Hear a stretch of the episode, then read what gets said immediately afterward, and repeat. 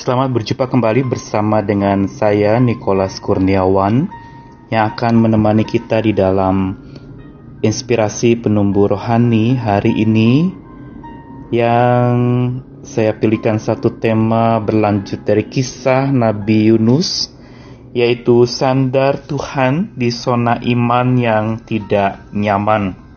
Sebagaimana kita ketahui, akhir-akhir ini kita sedang dilanda oleh suasana yang sama sekali tidak nyaman. Ada begitu banyak hal yang membuat kita mungkin protes saat di mana kita berhadapan dengan berbagai macam pergumulan hidup yang berat akhir-akhir ini. Dan kisah Yunus ini menjadi kisah yang begitu relevan. Kalau yang lalu saya berbicara bagaimana Yunus itu Tuhan paksa, Tuhan panggil untuk dia keluar dari zona nyamannya menuju ke zona iman. Maka kali ini kita melihat bagaimana di zona iman yang tidak nyaman itu Yunus justru mengalami sebuah kembalinya hati dan hidupnya kepada Tuhan. Kita akan melihat bersama bagaimana Yunus yang lari sesungguhnya semacam refleksi buat kita yang juga sering kali lari dan selalu tidak pernah mau ada di tempat yang tidak nyaman. Kita selalu merindukan adanya keamanan, kenyamanan, dan juga kemapanan. Tapi ketika semua itu tidak ada, maka kita mulai protes dan kita lari dari Tuhan.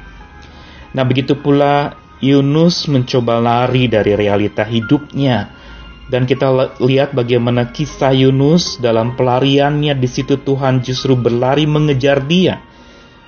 Dengan berbagai macam fenomena alam yang ada, badai yang melanda kapal di mana Yunus ikut dalam kapal itu menuju ke Tarsis yang jauh dari hadapan Tuhan dan angin badai itu seolah menjadi sebuah teguran Tuhan untuk lalu kemudian kita lihat bagaimana Yunus akhirnya dibuang ke laut oleh awak kapal yang membawa dia ke Tarsis. Karena setelah dibuang undi dia mendapati Yunuslah yang harus dibuang. Dan ini menjadi tanda bagaimana penentuan Tuhan sampai ketika dia dibuang ke laut Tuhan juga menentukannya di dalam pasal 1 ayat 17 atas penentuan Tuhan datanglah seekor ikan besar yang menelan Yunus. Ini menjadi tanda lagi bahwa Tuhan juga bisa memakai fenomena alam yang ada, bahkan makhluk ciptaan lainnya, untuk supaya seseorang bisa kembali kepada Tuhannya. Dan pasal 2 ini merupakan doa Yunus. Kalau pasal 1 dia lari dari hadapan Tuhan, maka pasal 2 dia lari menghadap Tuhannya. Inilah menjadi semacam titik balik bagi Yunus untuk dia lari menghadap Tuhannya. Dia berdoa kepada Tuhannya. Di dalam doanya ada ucapan syukur. Sekaligus juga dia menyadari akan dirinya yang sudah begitu jauh dari hadapan Tuhan. Dan dia mengungkapkan pertobatannya. Dia benar-benar menyatakan dirinya dan membuat lagi komitmen baru. Dia seperti bersumpah kepada Tuhannya dia memahami kebenaran yang dia perlu pelajari lewat peristiwa yang menimpanya. Dan setelah itulah Allah membebaskan dia. Dia lalu kemudian Yunus mengalami bagaimana pernah hidup jauh daripada Tuhan, sekarang dia hidup mendekat lagi dan kembali kepada Tuhan. Inilah tanda yang penuh dengan kuasa untuk supaya Yunus bisa kembali melayani Niniwe sesuai dengan maunya Tuhan. Dalam Yunus pasal 2 ayat 2 sampai 4 saya bacakan dalam kesusahanku aku berseru kepada Tuhan dan ia menjawab aku dari tengah-tengah dunia orang mati aku berteriak dan kau dengarkan suaraku. Telah kau lemparkan aku ke tempat yang dalam, ke pusat lautan, Lalu aku terangkum oleh arus air.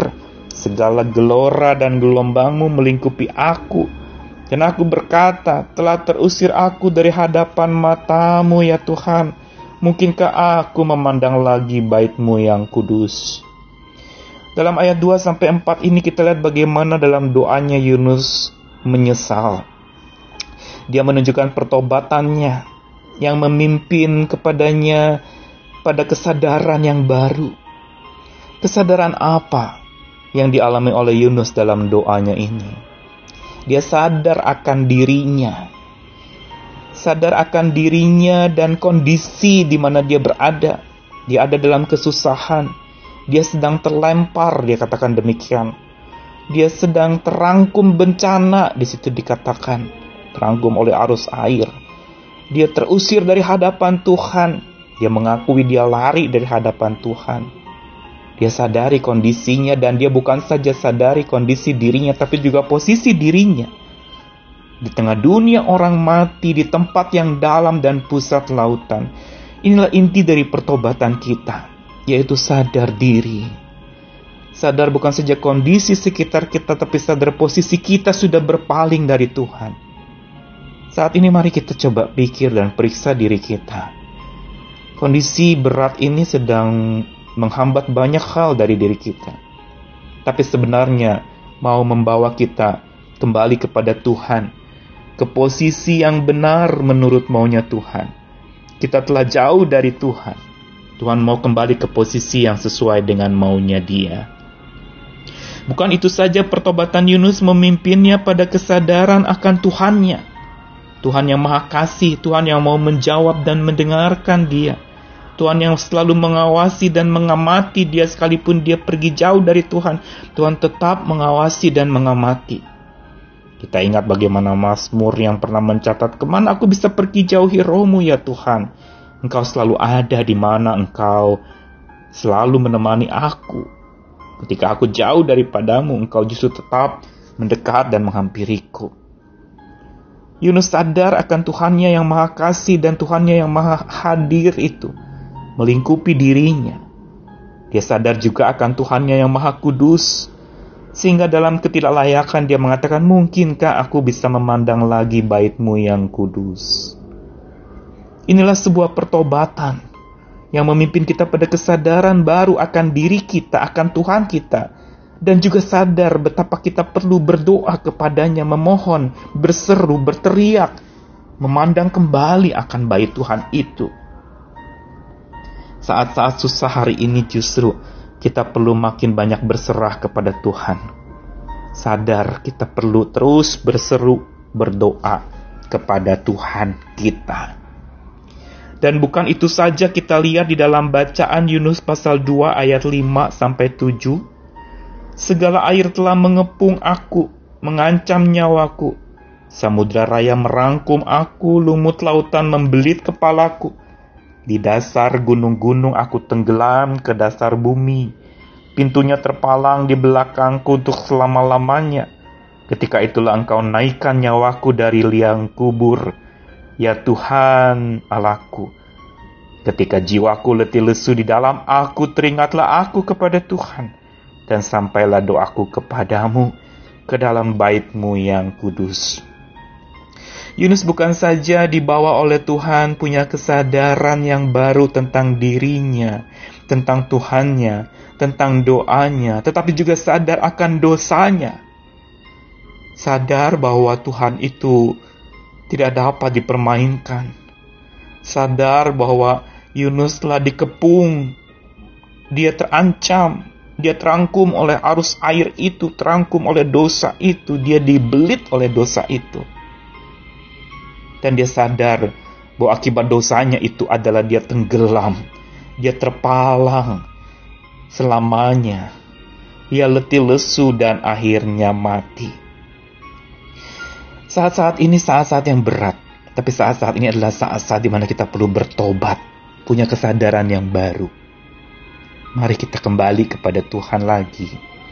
Ini saatnya ketika kita tidak bisa lagi mengandalkan siapa-siapa atau apa saja yang ada di dunia ini. Bertobat dan kembalilah kepada Tuhan. Lalu yang berikutnya pertobatan itu bukan saja memimpin Yunus pada kesadaran yang baru tapi juga kebersandaran yang baru. Semula Yunus bersandar kepada maunya dia. Kali ini dia harus bersandar pada maunya Tuhan. Semula dia bersandar kepada gengsinya. Sekarang dia bersandar untuk menjadi saksi bagi Tuhannya. Tadinya dia bersandar kepada egonya. Sekarang dia bersandar kepada Tuhan yang memiliki hidupnya.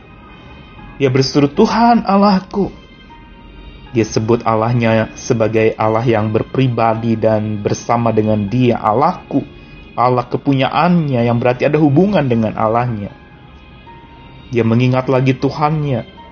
Dia berbicara lagi kepada Tuhannya di dalam doa dan beribadah lagi kepada Tuhan.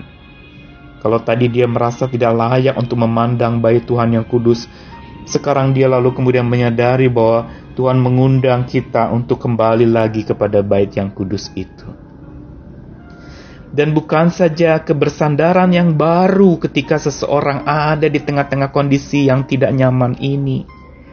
Sona iman selalu membawa kita kepada sebuah kesabaran yang baru. Yunus pasal 2 ayat 8 sampai 9. Mereka yang berpegang teguh pada berhala kesia-siaan, merekalah yang meninggalkan Dia yang mengasihi mereka dengan setia tetapi aku dengan ucapan syukur akan kupersembahkan korban kepadamu. Apa yang kunasarkan akan kubayar. Keselamatan adalah dari Tuhan. Yunus justru mengalami sebuah perubahan lagi bukan saja kesadaran yang baru, kebersandaran yang baru, tapi juga kesabaran yang baru. Sabar mengasihi, Kondisi-kondisi yang sering kali membuat kita hari ini tidak sabar justru Tuhan sedang melatih kesabaran kita. Sabar untuk tetap mengasihi, sabar untuk tetap berbagi. Yunus berkata bersyukur aku mempersembahkan korban kepadamu. Dan sabar untuk melayani, dia mau membayar nasarnya, melayani Tuhan lagi. Hari ini kita mungkin sedang susah dan merasa kita perlu dilayani. Tetapi marilah kita justru belajar di tengah kondisi kita butuh dilayani Belajarlah melayani seperti yang Tuhan mau. Bahasa kasih Tuhan adalah melayani dan sabar untuk menyebarkan, memberitakan lagi kasih Tuhan di tengah-tengah keterkungkungan hidup kita. Jangan bungkus berita kasih Tuhan. Justru tetap sampaikan, tetap sebarluaskan. Tidak ada yang bisa menahan pemberitaan kita, kecuali kita sendiri yang berkeberatan untuk tidak memberitakan. Tidak ada yang bisa menghambat kerinduan kita untuk bersaksi, kecuali memang kita memilih untuk lalu kemudian itu dihambat dan kita tidak lagi memberitakannya. Tuhan mau kita hari ini sungguh memiliki kesabaran yang baru itu. Inspirasi dari kisah Yunus menjawab sebuah pertanyaan bagaimana agar selalu bisa bersandar pada Tuhan. Sabdanya tadi dalam doa Yunus kita temukan bagaimana kesadarannya yang baru, sadar diri, sadar Tuhan, sadar doa dan sadar dosanya. Dan bukan itu saja dia punya kebersandaran yang baru yang membuat dia sabar, tetap sabar mengasihi, sabar melayani, sabar bersaksi, sabar di tengah kondisi yang tidak nyaman ini dia sabar untuk berjalan bersama dengan Tuhan sabar untuk tetap berbagi sekalipun dia sedang kekurangan, sabar untuk tetap mempersembahkan sekalipun dia sedang kondisi yang sangat rebah dan sulit, sabar untuk melayani padahal saat itu dia perlu dilayani. Dan untuk itulah kita dipanggil di tengah kondisi yang penuh dengan cemar ini Tuhan mau kita tetap sebarkan kasih Tuhan. Jangan henti memberitakan, jangan sanksi hari ini saat kondisi susah, Jangan sangsikan kasih Tuhan, tapi saksikan kasih Tuhan itu kepada banyak orang. Yunus akhirnya di dalam pasal 3 kita lihat dia setelah lari dari hadapan Tuhan di pasal 1 lalu dia lari menghadap Tuhan kepada Tuhan dan bertobat. Sekarang pasal 3 dia mau lari bagi Tuhannya. Yunus kali ini taat kepada Tuhannya dan dia pergi ke Niniwe, dia mengkhotbahkan tentang 40 hari peringatan untuk bangsa itu bertobat. Dan ternyata orang itu, orang-orang di Niniwe percaya kepada Tuhan. Mereka bertobat, mereka berpuasa dan berdoa. Allah begitu bermurah hati, tidak jadi menghukum mereka. Inilah anugerah Tuhan. Inilah yang kita perlu sandari lengan kekal yang kita andalkan. Alkitab mencatat Ahab dan Manase dua raja yang tidak bertobat, yang penuh dengan kekejian, tapi akhirnya Manase boleh kembali kepada Tuhan, begitu juga Ahab. Dan Tuhan tetap bermurah hati menyambut mereka yang mau kembali kepada Tuhannya.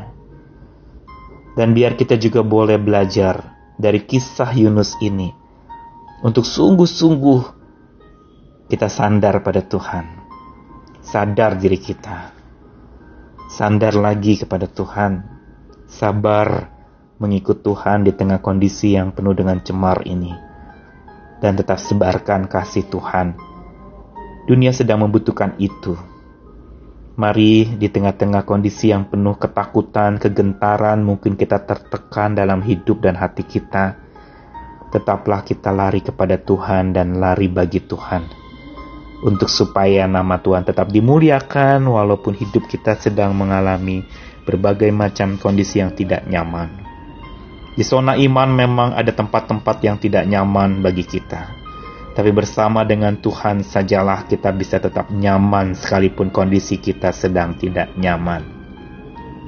Mari tetap bersandar lagi kepadanya, jangan takut kesusahan, karena lewat kesusahan Tuhan mau membawa kita kepada sebuah penyerahan yang lebih dalam lagi. Selamat berjuang, selamat bersandar pada Tuhan, biar ketidaknyamananmu justru menjadi tempat di mana engkau bersandar kepada kenyamanan Tuhan semata, karena itulah artinya beriman kepada Tuhan. Selamat sandar lagi Tuhan menyertai kita sekalian. Amin.